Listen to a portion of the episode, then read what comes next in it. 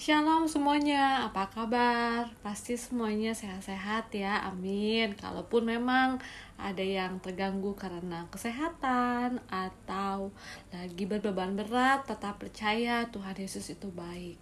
Hari ini saya mau sharing terkait apa itu cita-cita dan interupsi. Ya, kadang nggak kadang sih, setiap kita pasti punya cita-cita.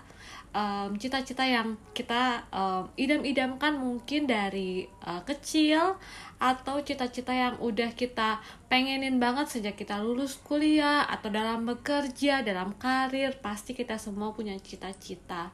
Nah, permasalahannya adalah ketika kita itu saat ini uh, belum mencapai cita-cita yang uh, kita idam-idamkan itu.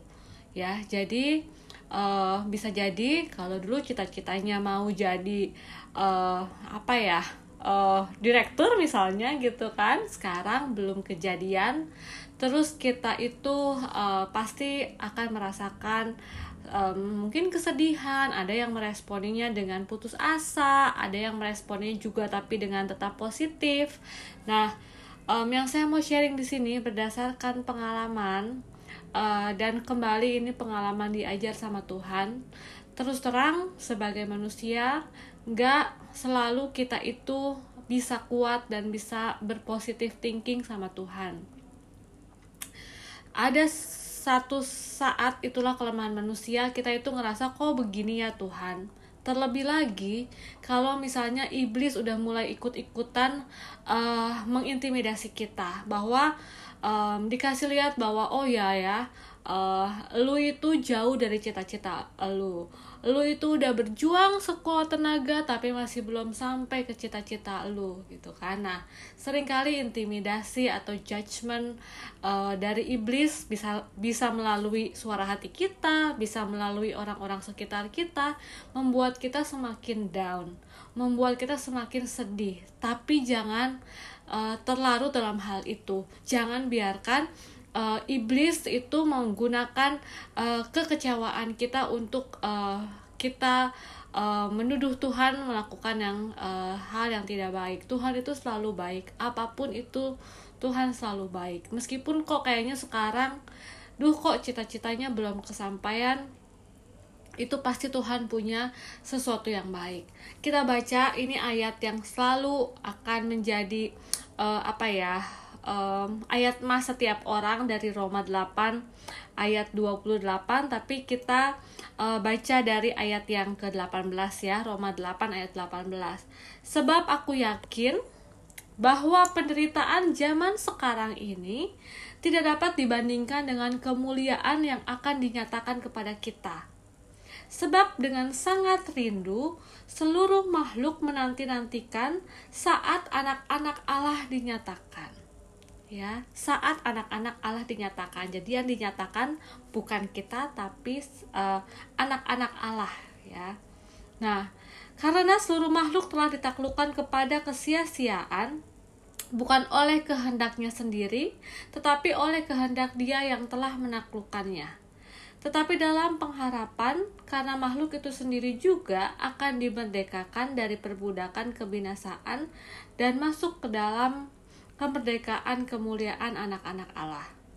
Sebab kita tahu bahwa sampai sekarang segala makhluk sama-sama mengeluh dan sama-sama sak merasa sakit bersalin.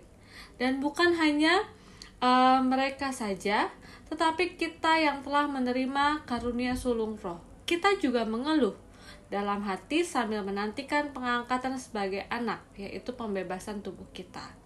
Sebab kita diselamatkan dalam pengharapan. Tetapi pengharapan yang dilihat bukan pengharapan lagi, sebab bagaimana orang masih mengharapkan apa yang dilihatnya. Tetapi jika kita mengharapkan apa yang tidak kita lihat, kita menantikannya dengan tekun. Demikian juga roh membantu kita dalam kelemahan kita, sebab kita tidak tahu bagaimana sebenarnya kita harus berdoa tetapi roh sendiri berdoa untuk kita kepada Allah dengan keluhan-keluhan yang tidak terucapkan. Dan Allah yang menyelidiki hati nurani mengetahui maksud roh itu, yaitu bahwa ia sesuai dengan kehendak Allah berdoa untuk orang-orang kudus. Kita tahu sekarang bahwa Allah turut bekerja dalam segala hal, dalam segala sesuatu, untuk mendatangkan kebaikan bagi mereka yang mengasihi Dia, yaitu bagi mereka yang terpanggil sesuai dengan rencana Allah. Sebab semua orang yang dipilihnya dari semula juga mereka juga ditentukannya dari semula untuk menjadi serupa dengan gambarannya, supaya ia anaknya menjadi anaknya itu menjadi yang sulung di antara banyak saudara. Dan mereka yang ditentukannya dari semula, mereka itu juga dipanggilnya. Dan mereka yang dipanggilnya, mereka itu di, mereka itu juga dibenarkannya, dan mereka yang dibenarkannya, mereka itu juga dimuliakannya. Ya. Jadi kalau tadi disebutkan kalau tadi kita ngomongin cita-cita dan gak kesampaian ya itulah tadi dibilang kita itu kadang mengharapkan yang kita sekarang belum bisa lihat tapi lihat nih ya, duh Tuhan sayang banget sama kita. Sambil kita menantikannya dengan tekun, kita punya roh yang membantu kita dalam kelemahan. Tadi dibilang, kita itu lemah. Seringkali kalau sesuatu itu nggak berjalan dengan keinginan kita, kita ngambek, marah sama Tuhan. Kita itu lemah. Atau uh, dibilangin orang, uh, ah, duh payah deh, duh lu nggak uh, nggak kerja gini-gini aja misalnya kita langsung um, pundung kalau kata orang Sunda ya langsung ngambek langsung uh, patah semangat Kenapa kita lemah? Tapi lihat, ayat 26 bilang, roh membantu kita dalam kelemahan kita. Sebab kita sendiri aja nggak tahu gimana kita harus berdoa. Tapi roh sendiri yang akan berdoa. Dan dia dibilangin, uh, Tuhan itu mengetahui maksud roh. Bahwa ia dengan sesuai kehendak Allah berdoa untuk orang-orang kudus, untuk kita. Jadi waktu kita lemah, kita punya roh. Ya. Yang kedua tadi saya sebut adalah interupsi. Tuhan itu sering kali menginterupsi cita-cita kita. Kita belum sampai kepada cita-cita kita karena Tuhan izinkan untuk diinterupsi. Tapi interupsinya kalau dari Tuhan, kita yakin, kita percaya interupsi itu adalah untuk kebaikan kita. Ya, pagi ini saya di sharing ada sebuah cerita bahwa satu orang itu selamat dari um, kejadian um, menara kembar di Amerika karena apa? Karena waktu dia ke kantor mobilnya itu harus masuk bengkel.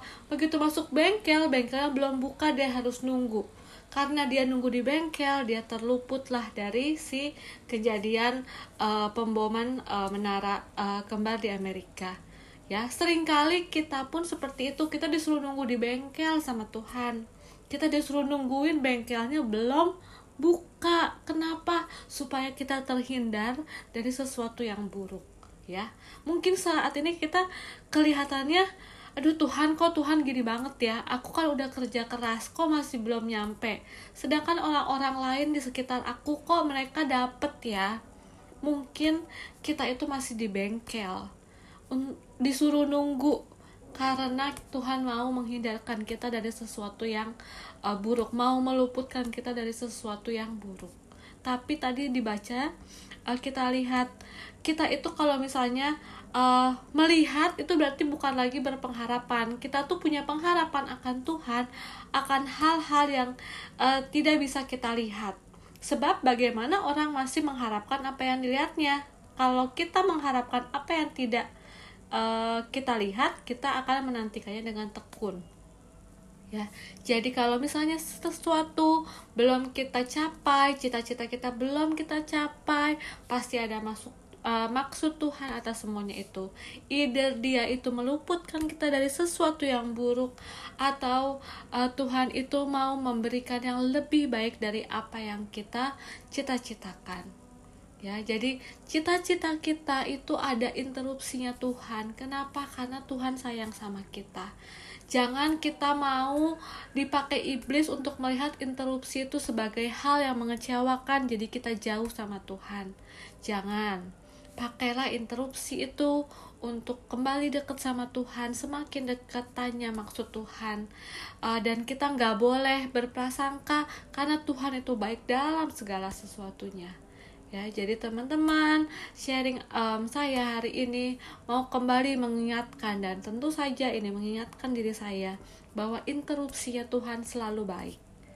Ya mungkin segala sesuatu cita-cita kita kita belum raih karena interupsinya Tuhan kita menunggu di bengkel dengan uh, baik dengan tetap mengucap syukur dengan dengan tidak bersungut-sungut supaya kita itu mengerti apa yang jadi rencana Tuhan dalam hidup kita.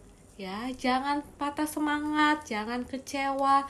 Tuhan Yesus baik, izinkanlah Dia menginterupsi cita-cita kita, hidup kita, karena kita yakin setiap interupsi Tuhan itu baik. Ya, terima kasih semuanya. Uh, selamat siang di dalam Tuhan, pasti selalu baik. Tuhan Yesus baik, Tuhan Yesus memberkati.